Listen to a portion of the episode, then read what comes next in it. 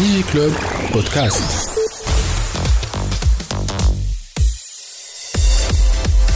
برعاية توب نت فيري انترنت بيبل كيسيون بتاتر بيت ولكن كنت تفضل هاليبوك معناها هاليبوك هذيك كنت أنت فر... أكيد فرحانة خاطر سي لو ديبي تاع جي إس إم بيسكو أنت خلطت عليها نتاع لي نورم مي كنت تفضل أنك تكون كارير نتاعك توا في البريود هذيا؟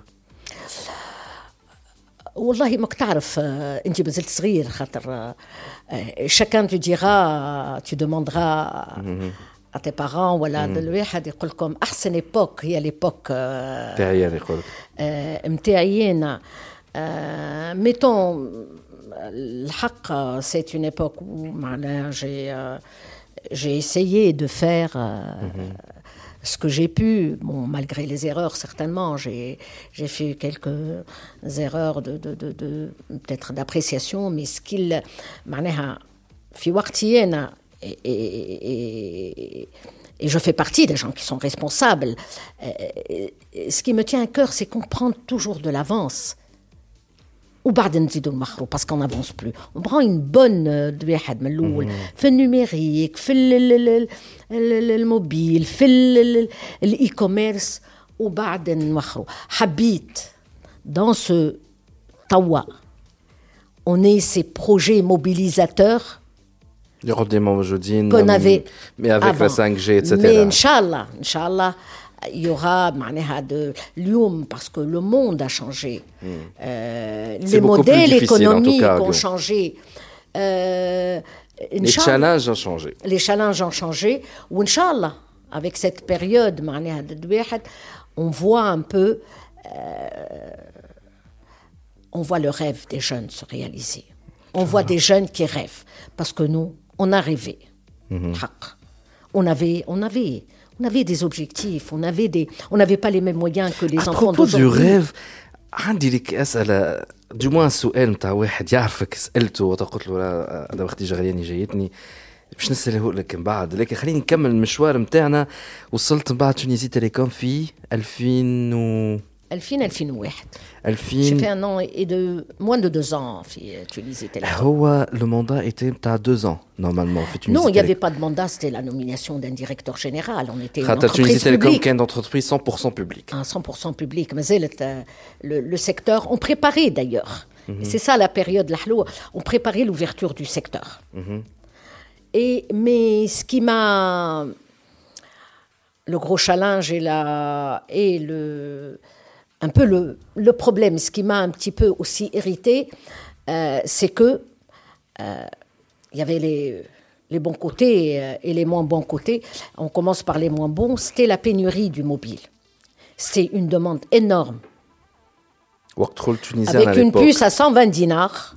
كان 150 قبل تتذكر 150. قبل ما تدخل تونيزيان أي أي قبل ما تروح 150 بعدها هبط ال 120. 120 Et, et on n'arrivait pas à déployer le, réseau. Mais la géniosité des ingénieurs, avec, on ne pouvait pas passer de... On avait les moyens, était riche, Tunisie Télécom, mais le problème de passation des marchés publics, les équipements, tu es obligé de, de densifier, à quel هز منا حط من غادي نهزوا مثلا يفو دونسيفي حمامات وقت ال- ال- الواحد وجربه ولي زون توريستيك دونك اون بروني دان اوتر Site. d'un autre site ونحطوا غادي c'était de l'ingéniosité vraiment donc comment on, on- الواحد et, et, et comment on a on arrivait à à développer mais ce qui m'avait un petit peu gêné c'était gérer cette pénurie et pour euh, un télécom gérer une pénurie c'est horrible جو كومبرون بارفيتمون عندي سؤال آه، فما جماعه قالوا لي آه، فما سي ميم با جماعه قريتو ديجا قلت لك هذا في الاوف قريت مره ان كومونتير يا تري تري لونتون قالوا اللي انت ما كملتش الموندا نتاعك خاطر نورمالمون قالوا لي تاع عامين ان توكا ما طولتش ياسر على تيت دو تونيزي تيليكوم parce qu'en fait les résultats تاع تيليكوم n'étaient pas au top top top في البريود هذيك Oh, on était en monopole. On avait des gens qui attendaient le mobile, mhm. qui étaient là avec leur chèque et leur et ah, eh, téléphone, et j'étais obligé de signer moi-même.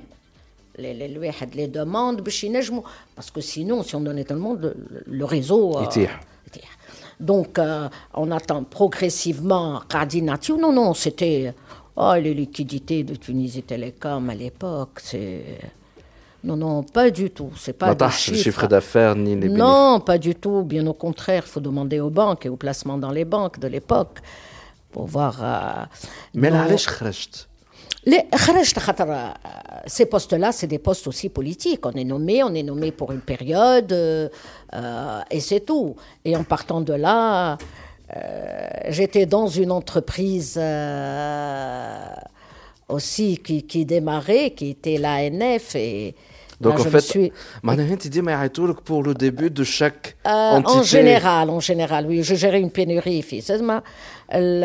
Certes, Dawakta, bon, il a démarré, mais euh, euh, à une période, mais surtout l'ANF, c'est vrai que c'était vraiment le démarrage. Donc, tu as l'ANF, l'Agence nationale des fréquences. Absolument. Donc, les premiers chantiers de l'ANF Ah, l'ANF, le premier chantier, c'était un chantier de construction, tout simplement, du bâtiment.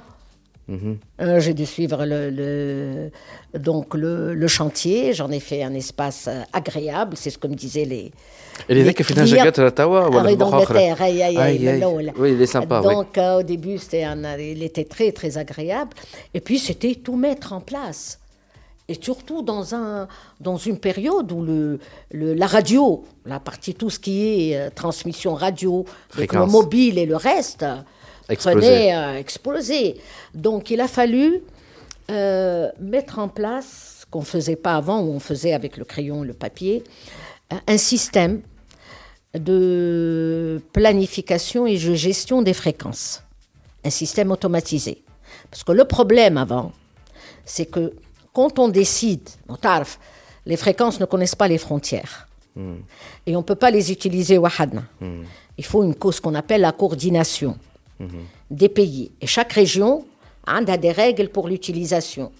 L'Europe, l'Afrique, c'est pas comme l'Amérique, etc. C'est pas les mêmes fréquences qui sont utilisées.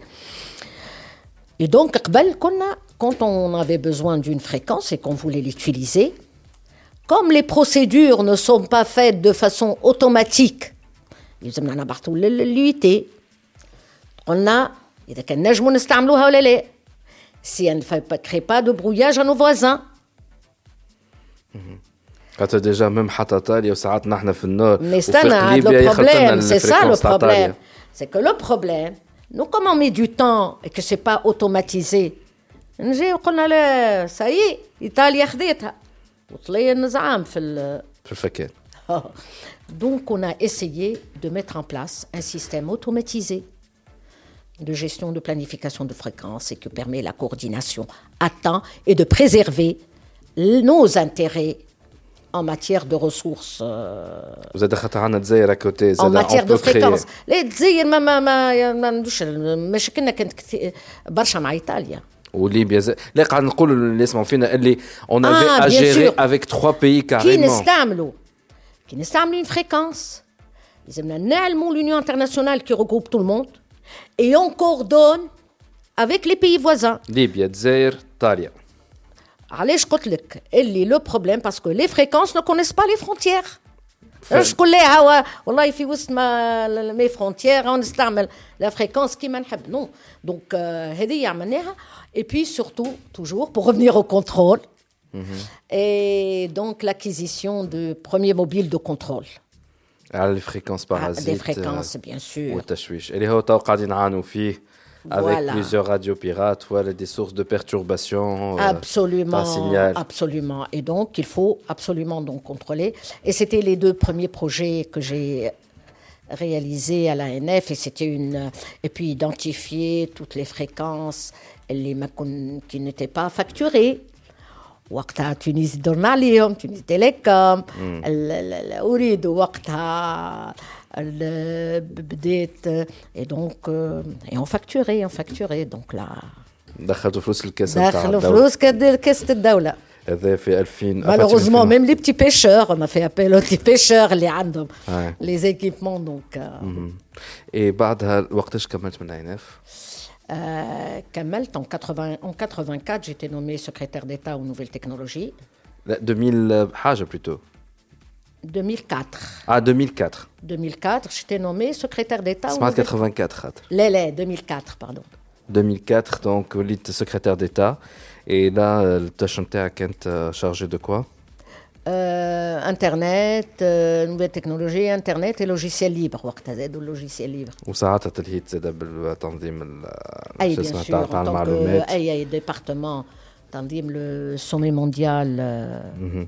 très bien. Et بعد 2005 مشيت لايكتو c'est ça?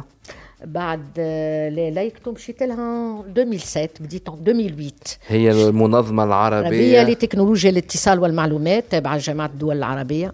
فوالا دونك تنجموا ترجعوا على أول حلقة من السيزون من من سبتمبر عام 2019 كان مانيش غلط وقت جبنا آه، رئيس آه، تاع لايكتو سي آه، سي محمد آه، بن عمر سي محمد بن عمر فوالا. سي محمد، بن. عمر آه، اللي حكينا أكثر على التاريخ تاع لايكتو نذكركم تنجموا تعاودوا تسمعوا على الساوند كلاود نتاعنا vous étiez la première femme زاد Euh, فيها J'étais la première, la première secrétaire, et le premier secrétaire, la première, le premier secrétaire général aussi. femme à tête Elle, de elle, Laïc. vient, elle venait d'être créée. وقت elle démarre. Elle a démarré en دونك انكور مشيت على janvier حاجه جديدة. 88 absolument. مشيت انت ال- ال- أي، أي. البدايه نتاع و دونك vous étiez la première femme في la Tunisie Télécom à occuper Tunisie Télécom et l'unique femme jusqu'à aujourd'hui qui مانيش غلط Ouais.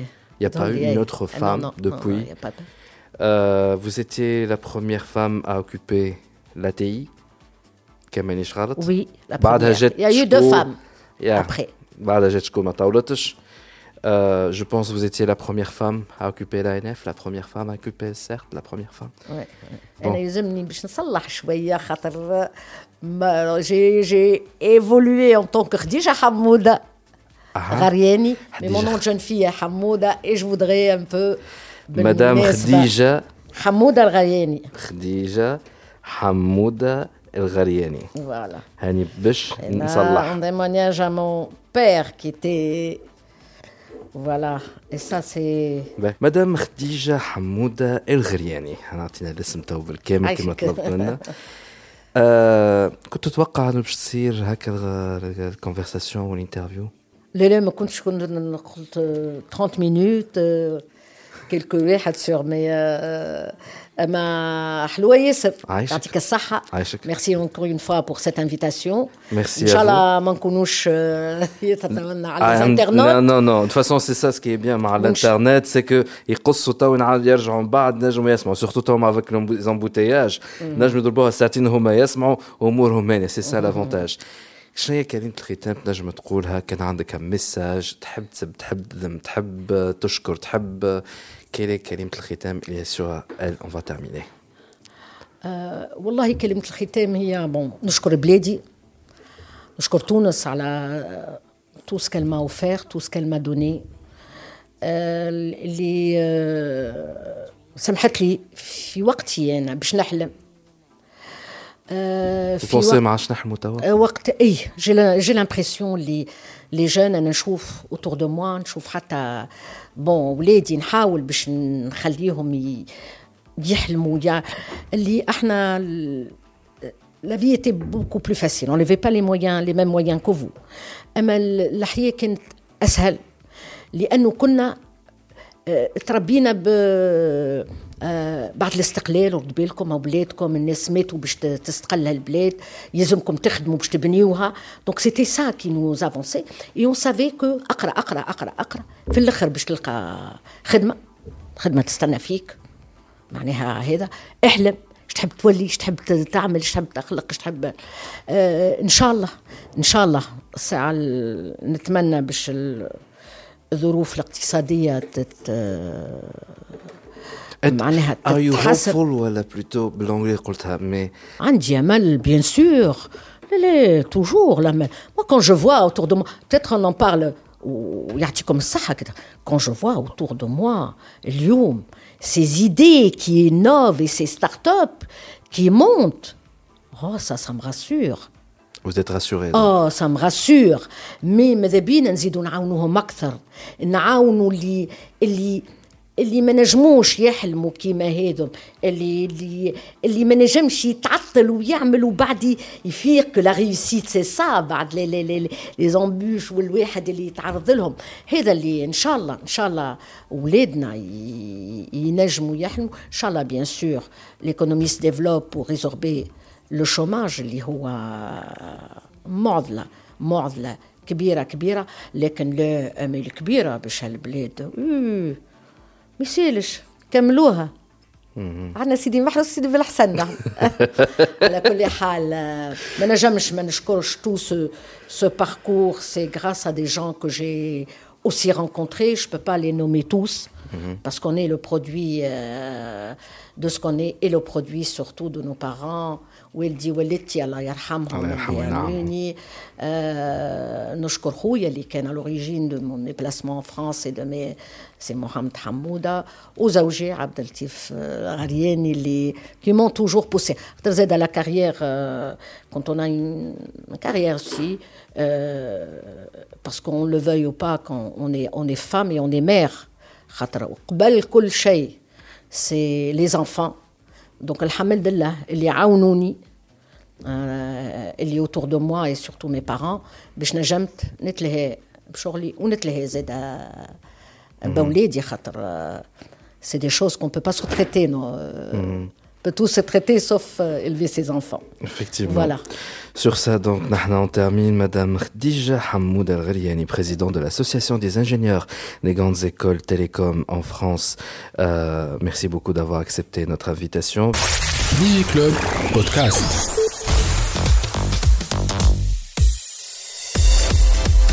Billy Right.